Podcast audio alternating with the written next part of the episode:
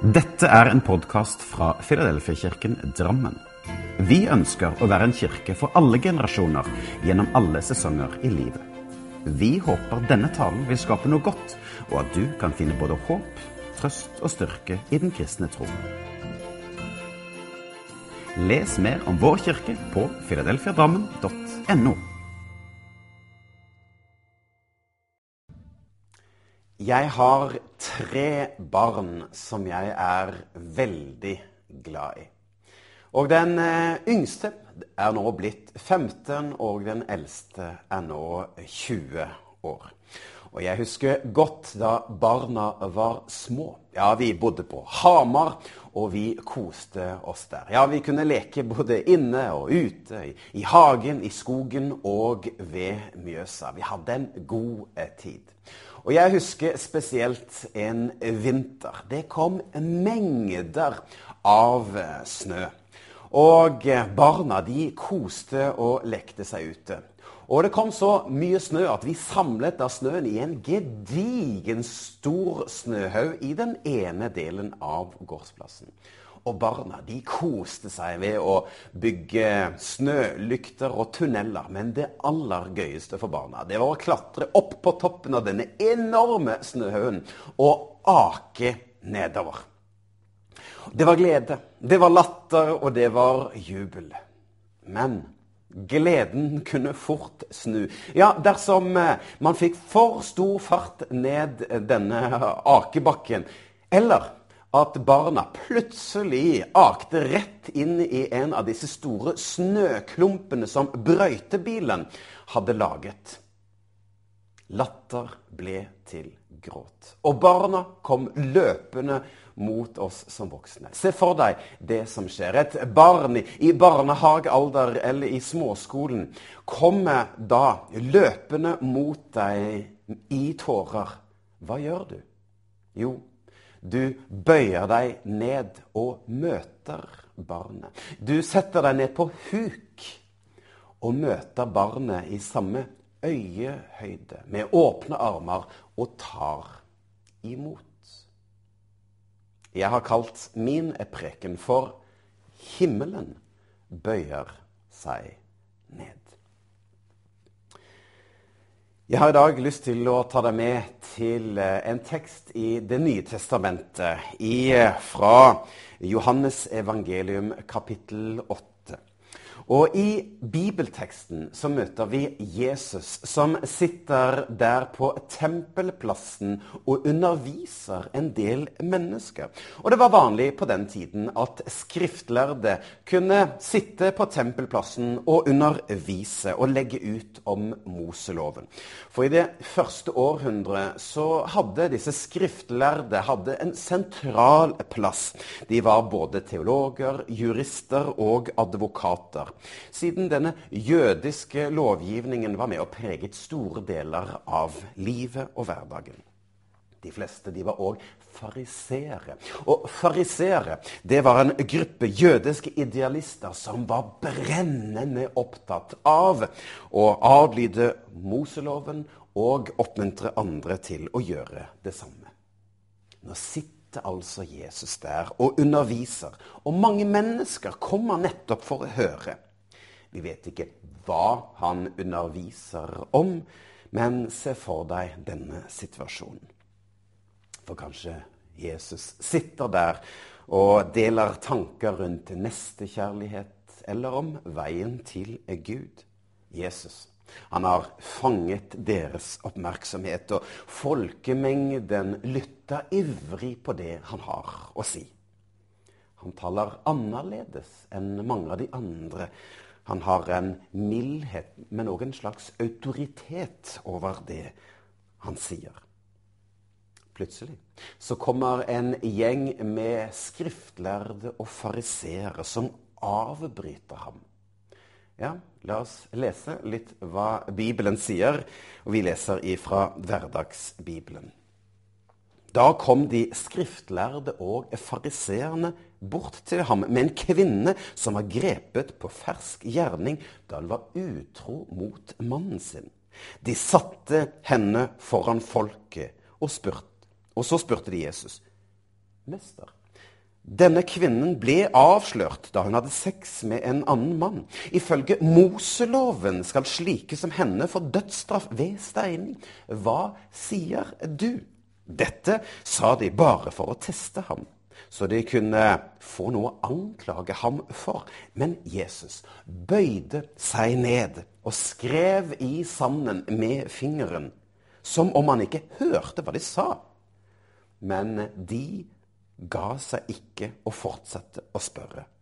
Til slutt reiste han seg opp, så på dem og sa:" Den av dere som aldri har gjort en synd, kan kaste den første steinen på henne. Tenk for en ydmykelse for denne kvinnen. En rekke religiøs ledere hadde grepet kvinnen på fersken. Og nå, foran en mengde mennesker, så ble hun kastet ned på bakken. Ja, for en skam. Ja, tenk for en ydmykelse.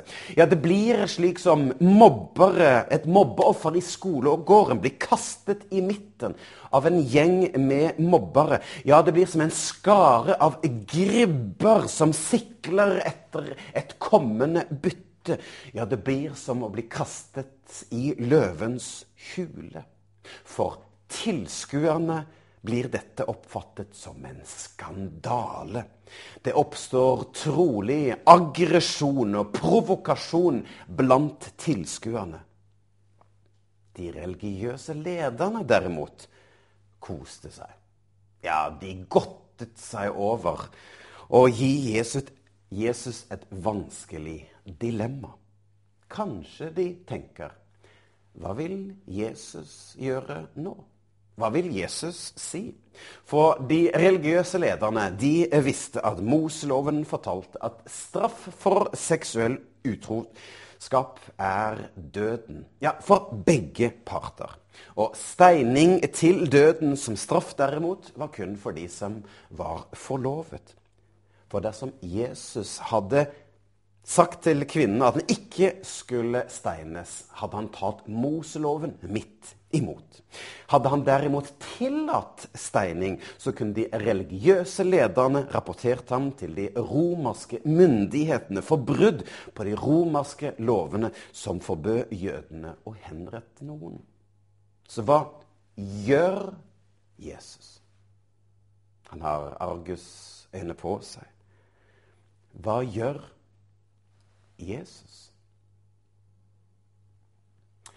Jeg har lyst til å stoppe opp litt her et øyeblikk. For nå er det ikke bare denne kvinnen som gjør feil i livet. Alle mennesker gjør feil. For vi mennesker vi har en lei tendens til å såre hverandre. Ja, det er en del av det å være menneske.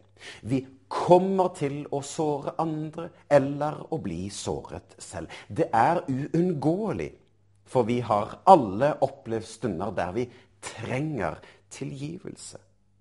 Og dit kommer vi til å komme igjen og igjen. Og vi er avhengige av tilgivelsen, nettopp fordi at vi sårer hverandre. Og tilgivelse er nøkkelen for å gjenopprette våre relasjoner. Og det er ikke bare mennesker vi sårer. Vi har òg en lei tendens til å såre Gud og hans gode tanker for oss. Ja, vi kan bomme på målet av det Gud har for oss. Vi, er, vi baksnakker, vi er egoistiske, og vi er selvopptatte. Og vi ødelegger for det Gud har skapt, ved å rakke ned på andre. Ja, det å sette oss høyere enn de rundt oss. Vi fornærmer Gud. Vi påfører ham smerte. Ja, når vi sårer, skader og ødelegger. For vi er som denne kvinnen. Det er vi som er som henne, som blir tatt på fersken. Vi er tatt på fersken i å bryte det Gud har for oss. Så hva gjør Jesus ovenfor kvinnen, overfor oss, overfor deg, overfor meg? Jo, Jesus bøyer seg ned. Han bøyer seg ned i ydmykhet. Ja, det ligger i hans natur, i hans vesen. Gud bøyer seg ned til oss. Himmelen bøyer seg ned til oss i kjærlighet. For Gud er ikke en fjern og passiv Gud langt der oppe. Nei, han er en personlig og varm Gud som bøyer seg ned fra det himmelske. Ja, Gud selv valgte å bøye seg ned og bli menneske. Han ydmyket seg selv. Han valgte å stige ned fra sin trone, komme til vår verden og bli menneske. Ikke som konge, ikke som majestet, ikke som hersker. Han kom til vår verden i ydmykhet. Og Gud utvalgte en ung jomfru med navn Maria og lot seg føde i en enkel, kald og mørk stall blant sauer, kuer og hester. Nei, ikke i et slott med gull, sølv og edelstener. Og de første som fikk høre nyheten om Herrens komme til verden, var gjetere. Altså arbeidsfolk med skitne hender og tykk hud. Et arbeidsfolk som var nederst på rangstigen. I disse omgivelsene ble Gud selv født som Jesus fra Nasaret. 100% Gud og 100% menneske. Jeg startet min preken med å fortelle om hvordan jeg møtte mine barn da de kom løpende med tårer i øynene. Jeg bøyde meg ned for å møte dem. Jeg sto med åpne armer og et varmt blikk for å ta imot. Og på samme måte så møter Jesus denne kvinnen. Og på samme måte så møter Gud meg og deg. Han velger å bøye seg ned til deg med åpne armer og et varmt blikk. Og han sier, 'Kom til meg, du som har tungt å bære, så vil jeg gi deg hvile.' For hos Gud så finner du den hjertevarme du trenger. Ja, det blir som Herrens velsignelse som vi lyser hver gudstjeneste. For vi sier, 'Herren velsigne deg og bevare deg'. Ja, vi tror at Gud ønsker det beste for oss mennesker. Og han ønsker det beste for deg. Han ønsker å beskytte deg og ta vare på deg. Vi sier òg, 'Herren, la sitt ansikt lyse over deg og være deg nådig'. For når jeg er svak og ligger nede, så kommer han med sitt milde og gode ansikt og lyser på meg. Hans nåde og sannhet skinner på meg. Og han gir meg lys, nåde, liv og fred. Og så avslutter vi med å si Herren løfte sitt åsyn mot deg og gi deg fred. Ja, for han er den som løfter oss opp, og han vender seg til oss. De blir som Moses, som ydmykt vendte og gjemte sitt ansikt ved denne brennende busken for å gjemme sitt hode. Men Gud løfter da sitt åsyn mot deg, på deg. Hans ansikt stråler mot deg. Han står der med åpne armer og ønsker meg og deg velkommen til ham. Det er slik jeg ser for meg Jesus møtte denne kvinnen. Han møtte henne med et varmt og et mildt blikk. Han møter henne med tilgivelse, ikke fordømmelse, men med en ny sjanse. Og Jesus løfter henne billedlig opp og gir henne en ny mulighet. For 250 år siden så seilte den engelske kapteinen John Newton sitt eh, slaveskip over Atlanterhavet.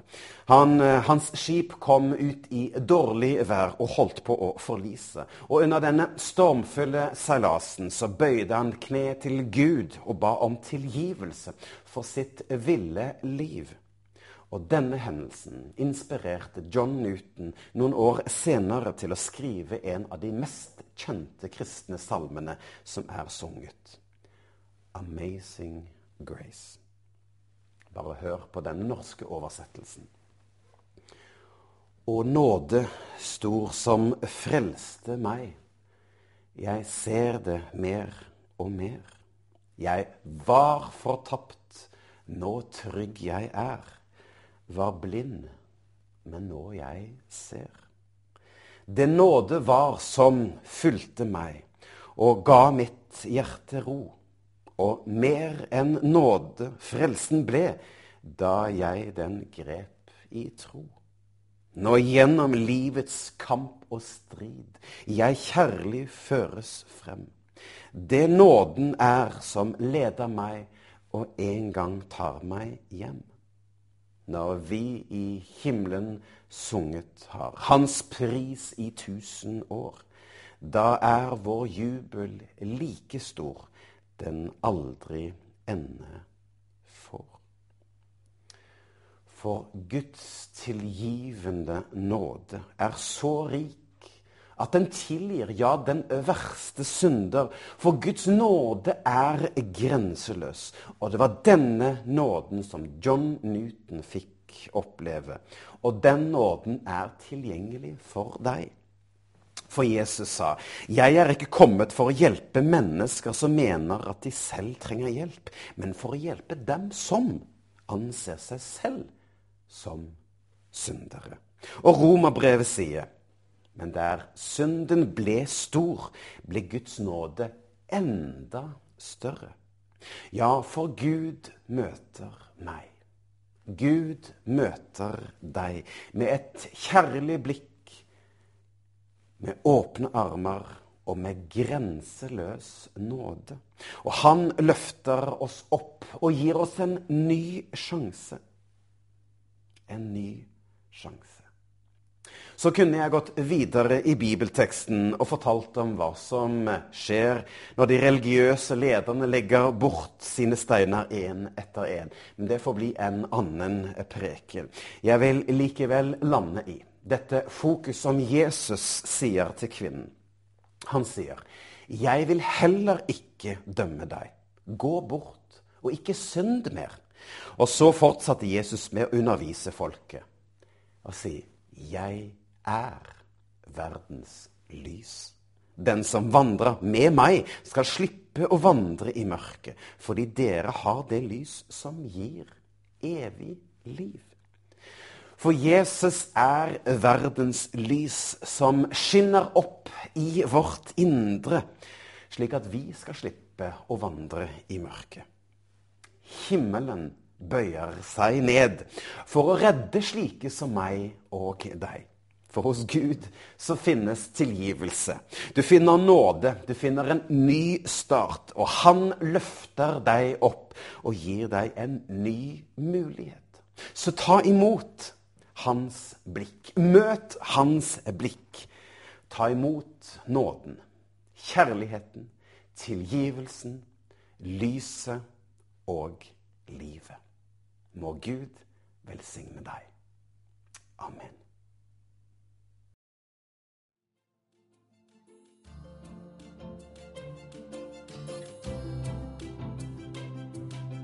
Som en avslutning på denne podkasten ønsker vi å lyse Herrens velsignelse over deg. Herren velsigne deg og bevare deg. Herren lar sitt ansikt lyse over deg og være deg nådig. Herren løfte sitt åsyn på deg og gi deg.